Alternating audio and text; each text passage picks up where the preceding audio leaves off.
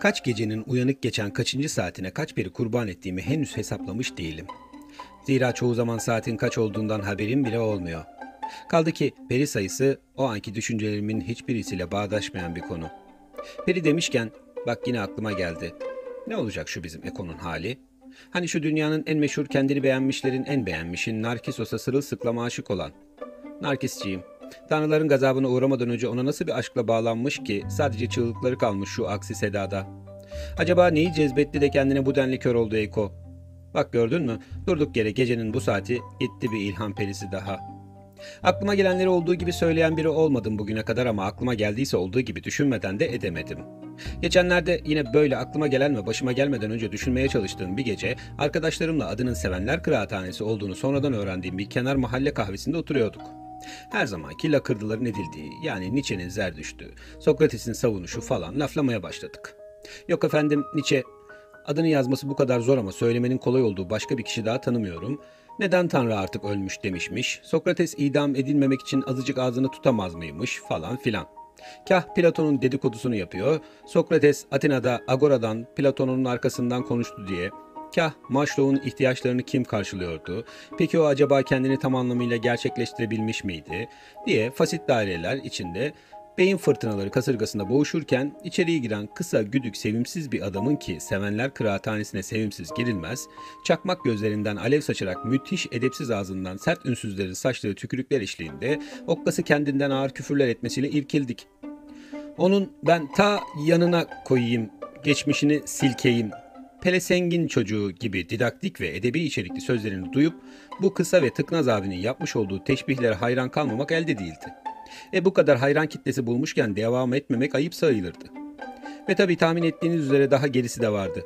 Hayatın içinde sansür kurulu olmadığı için amcamız avam kamerasında halk tarafından seçilmiş bir vekil edasıyla sözlerine devam etti. Lokumu yiyesiceler.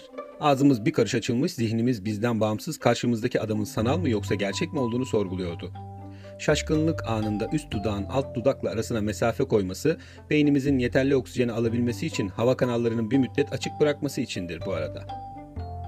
Neyse ki adama doğru seri adımlarla gelenin mekan sahibi olduğunu öğrenmemiz kısa sürdü. Ne oluyor birader? Az sakin ol. Bak burada bir sürü insanı rahatsız ettin. Hele gel otur şöyle bir çay vereyim de sakinleş. Demesi kendinden boyca kısa olan Hiddetmen sakinleştirdi. Yanımızdaki boş masaya adamın yaşadığı hadiseyi ve olay anını anlatırken ki coşkuyu en net biçimde izlememize olanak verdiği için sizlerin huzurunda çok teşekkür ediyorum. Locada oturmuş mütevelli heyeti gibi konuya iştirak etmiş ve yargılarımızı çoktan oluşturmuştuk bile. Demsiz çayından bir yudum alan olması gereken demi kendisi sağlayan Hiddetmen biraz olsun sakinleşmiş, müsekkin kıvamını almaya başlamıştı artık. Başladı anlatmaya. Ulan ne biçim kepazeliktir anlamadım gitti. Adama ana avrat asfaltta koşuyorum bana mısın demedi.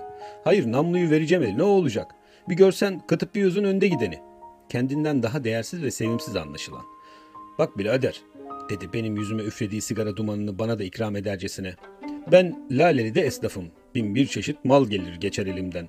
Afyonu kaymağı anlarsın ya deyip göz kırpması kahvede diğerlerinin kafasında yerimi birdenbire ön sıralara taşıdı. Adama mis gibi mal verdim. Arızalı diye geri getirdi. Ulan Angutyus sen kendini boy abdesti alırken son suyunu dökmeyi bilir misin? Hepimiz adamın anlattıklarından bir anlam çıkarmaya çalışıyorduk. Ne diyor bu adam yahu? Birisi şu adamın ne iş yaptığını ve ne anlattığını söyleyebilir mi acaba? Ama hiçbirimiz bu soruyu soramıyor. Nefes almadan konuşmanın nereye varacağını merak ediyorduk. Adeta bizleri onu dinlemeye mecbur bırakıyorlardı. Bazı insanların içi boş lafları dolu gibi göstererek anlatma becerileri vardır. Hatta bu durumu anlatan bir çalışmada mevcuttur. Dunning-Kruger etkisi yani cahille et sohbet küstürürsün. Düşüncelerimin arasından sıyrılmamı sağlayan o çatal ses tekrar başladı anlatmaya. Yahu bunlar anasından evvel yatağa giren tipler. Hayır yanlışlıkla tövbe tövbe. Bilader sana soruyorum diyerek tekrar bana yöneldi. Allah'ım neden ben? Başka adam mı yok etrafta? Suçlanmış ve sorulan soru çalıştığı yerden çıkmamış okul talebesi gibi baka kaldım adama. Gereksiz bir buyur abi cümlesi çıktı ağzımdan. Buyur mu?